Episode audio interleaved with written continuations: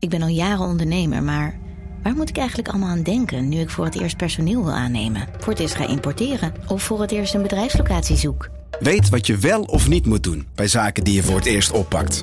Check kvk.nl voor praktische stappenplannen. KVK, hou vast voor ondernemers. Hey podcastluisteraar. Ook op zoek naar een relevante invulling van je schaarse luisteruren? Tune dan in op de podcastserie ESG, even samengevat van BNP Paribas. Wij, Marloes en Aldert, spreken daar duurzame voorlopers en wereldverbeteraars. Waarover dan? Nou, bijvoorbeeld of we ooit duurzaam kunnen gaan vliegen. En waarom koeien in de stad nou een goed idee is? Dat en meer elke twee weken in een nieuwe aflevering. Dus abonneer je. ESG, even samengevat.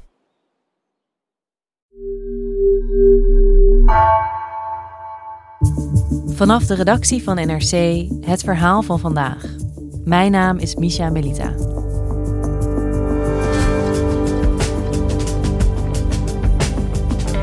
Een jaar na de staatsgreep in Myanmar staan burgers en het leger weer recht tegenover elkaar. Journalist Minka Nijhuis reisde af naar de jungle van Myanmar. Daar sprak ze met jongeren die strijden voor een democratisch land. Net als 30 jaar geleden. Ook toen waren er protesten en confrontaties met het leger. Waarom sleept het conflict al zo lang voort? En hoe anders is de situatie nu?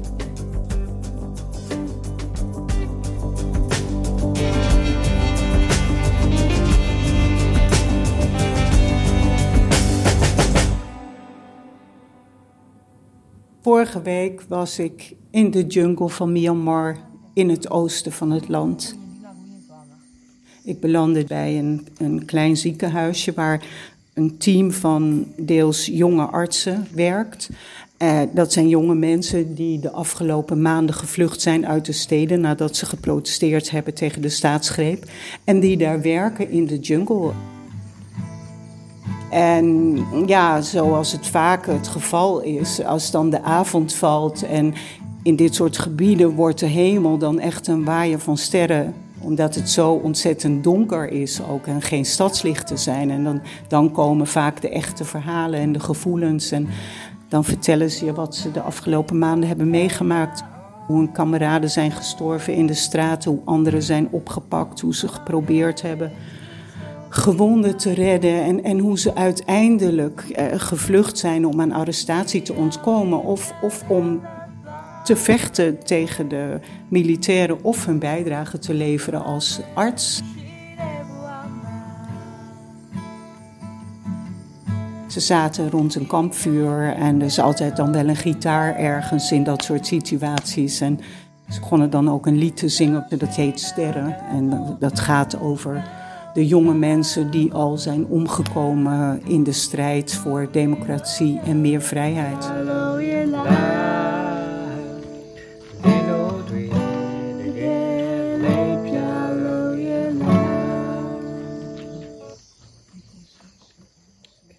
Minka, jij belt in vanuit Bangkok, maar vorige week was je nog in Myanmar. Een jaar geleden was die staatsgreep. Wat is er allemaal gebeurd in het afgelopen jaar? De, de junta, en dat is dus het militaire regime, heeft op 1 februari de macht gegrepen en zit nu dus weer aan alle knoppen. We beginnen in eh, Myanmar. Het leger daar heeft een staatsgreep gepleegd. Regeringsleider Aung San Suu Kyi is gearresteerd. De militaire opperbevelhebber neemt de macht voor de periode van een jaar over.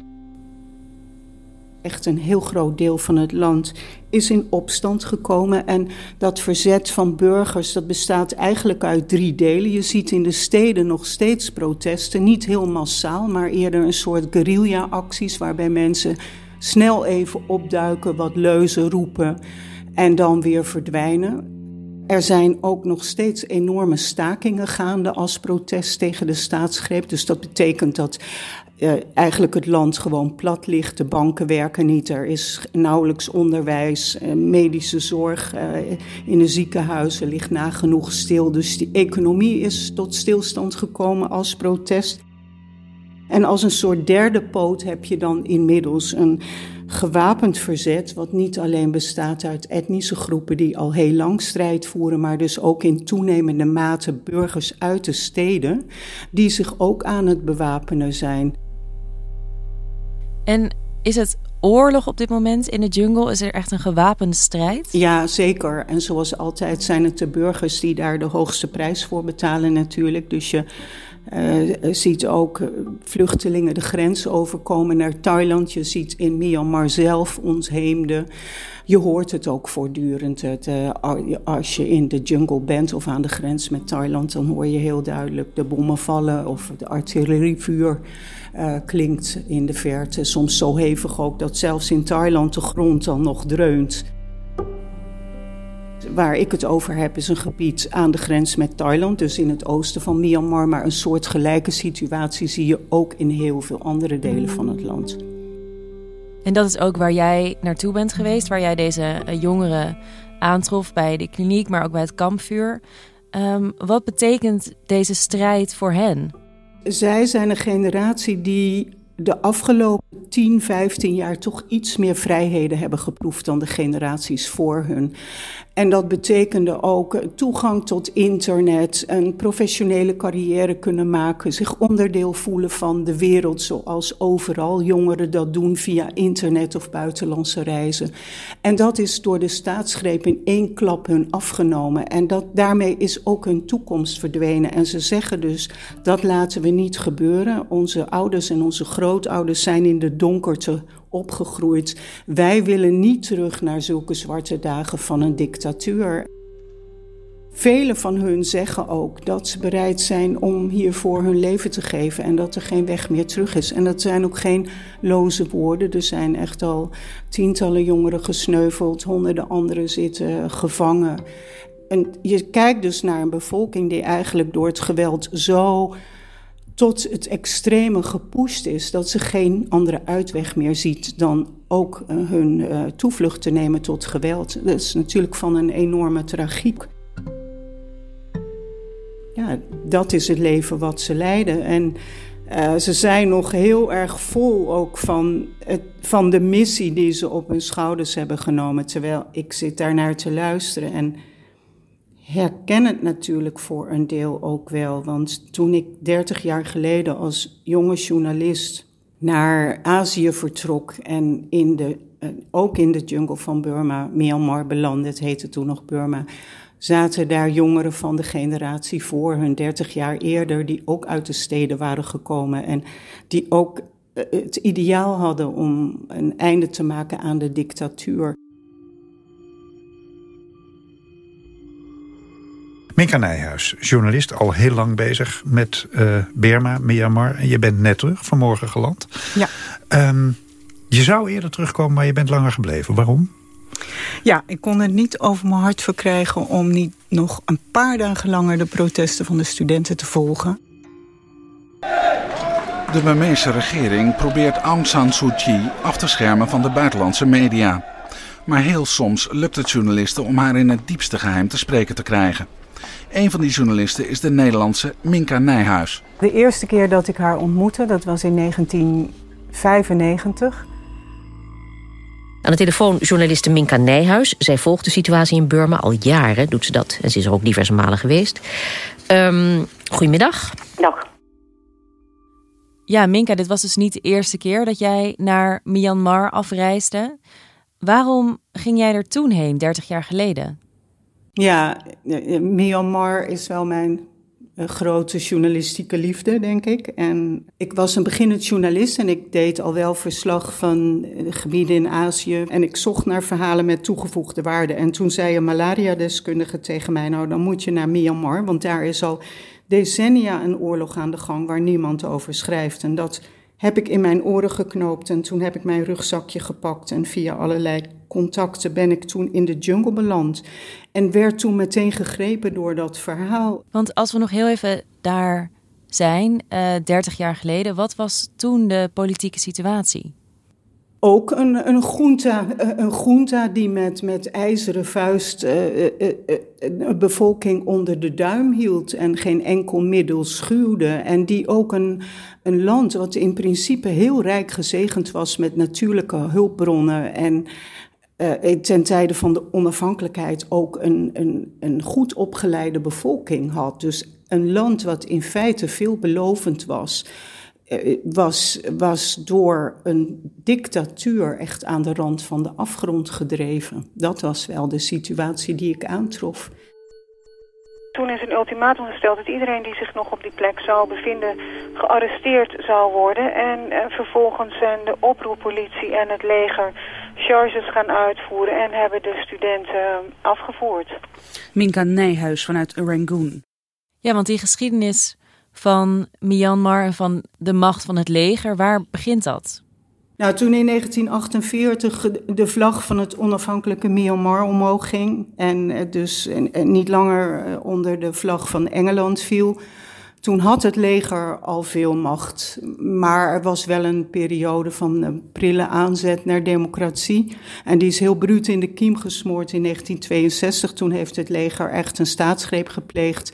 Uh, en de, en de, met stalen vuist uh, de bevolking onder de duim gehouden. En dat is tot de dag van vandaag het geval.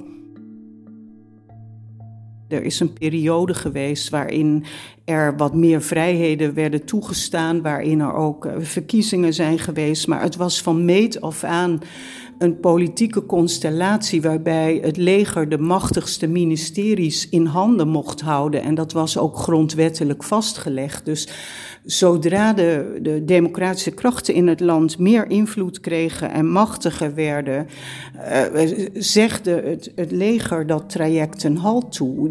Het, zijn de militairen geweest die van af aan hebben bepaald hoe ver die hervormingen konden en mochten gaan. Dit conflict speelt al heel erg lang. Waarom is het zo moeilijk om het op te lossen?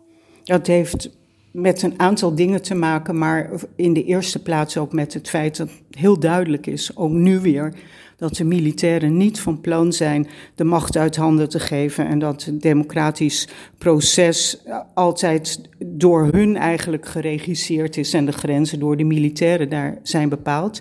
Maar het heeft er ook mee te maken dat Myanmar etnisch en religieus gezien een van de meest diverse landen ter wereld is. En eh, die groepen hebben allemaal hun eigen geschiedenissen en ook hun eigen agenda's en vinden het ontzettend moeilijk om, om gezamenlijk een vuist te maken.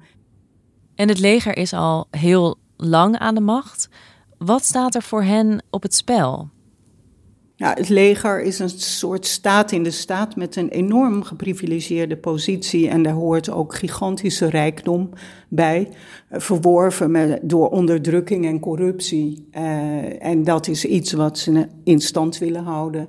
En verder is er ook wel angst voor. Uh, ze hebben zoveel schendingen van mensenrechten op hun geweten. Er lopen zaken tegen het leger uh, worden onderzocht door het internationaal strafhof in Den Haag. En daar is het leger zich ook wel van bewust. Uh, dus het heeft uh, verschillende redenen om hoe dan ook aan die eigen machtspositie vast te houden.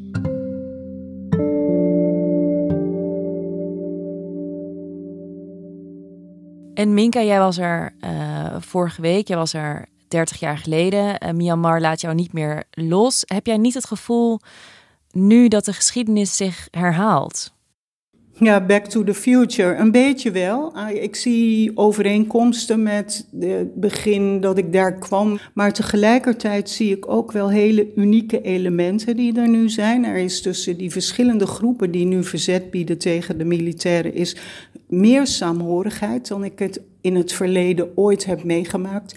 Ik zie ook een jonge generatie die veel meer gepokt en gemazeld is met het gebruik van internet en allerlei geestige uh, slogans en middelen van verzet. Dat, dat, de generaties voor hun, die hadden dat absoluut niet. Ze zijn ook beter op de hoogte van wat er in de wereld speelt, omdat ze de afgelopen 10, 15 jaar de kans hebben gehad om uh, via internet te reizen of daadwerkelijk te reizen. Dus dit is wel een andere mentaliteit, minder wereldvreemd ook. Dus dat zijn wel hele duidelijke verschillen. En het valt mij echt op dat ik niet eerder mensen zo massaal, met zoveel overtuiging heb horen zeggen dat ze deze keer een kans maken. En wat bijvoorbeeld ook een heel duidelijk signaal was, een heel indrukwekkend signaal was, 10 december hadden ze een, een dag van stilte afgekondigd, een stiltestaking. Het was dood en doodstil. Zelfs op de meest drukke kruispunten in de steden was geen kip te bekennen. Dus dat was echt een landelijk protest tegen de junta in bijna alle hoeken en gaten van het land. Dus dit wordt ongelooflijk breed gedragen. Waar baseren ze dat op, dat gevoel dat ze nu daadwerkelijk een kans maken?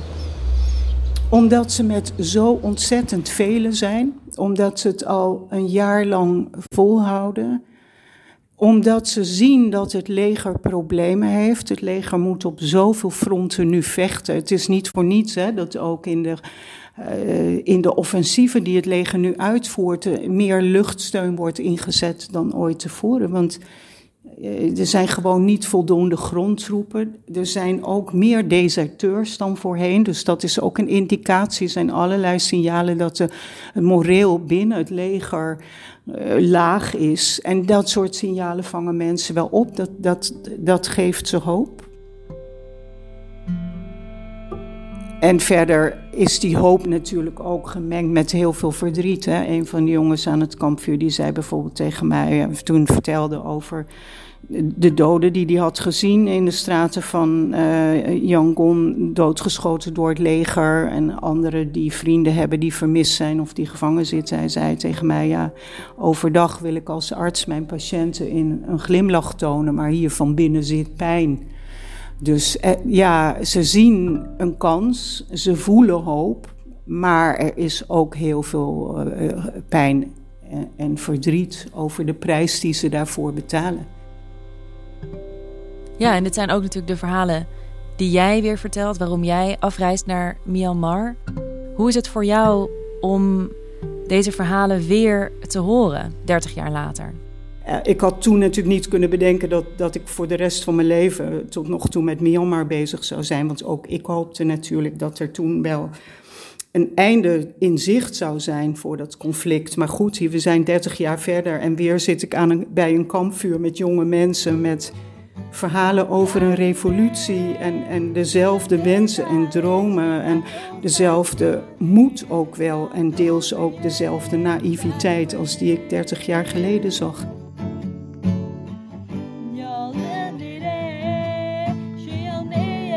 Ja, natuurlijk vind ik het ook heel aangrijpend. En uh, zijn het deels ook mensen die ik al zo lang ken en die bij mijn leven zijn gaan horen de afgelopen 30 jaar. Dus in die zin is het voor mij ook wel een persoonlijk verhaal. Maar hoe, hoe um, moeilijk de omstandigheden ook zijn waarin mensen verkeren, ik vind het toch een goed gevoel om daarvan getuige te kunnen zijn. Dat is het werk wat ik toch het allerliefste doe. Dankjewel, Minka. Graag gedaan. Je luisterde naar vandaag, een podcast van NRC. Eén verhaal, elke dag. Deze aflevering werd gemaakt door Lis Doutsenberg en Stef Visjager. Dit was vandaag, morgen weer.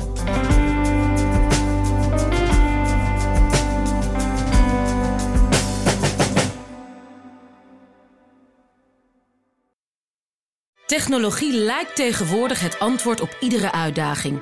Bij PwC zien we dit anders. Als we de potentie van technologie willen benutten, kunnen we niet zonder een menselijk perspectief. Human-led, tech-powered noemen we dat. Ga naar pwc.nl.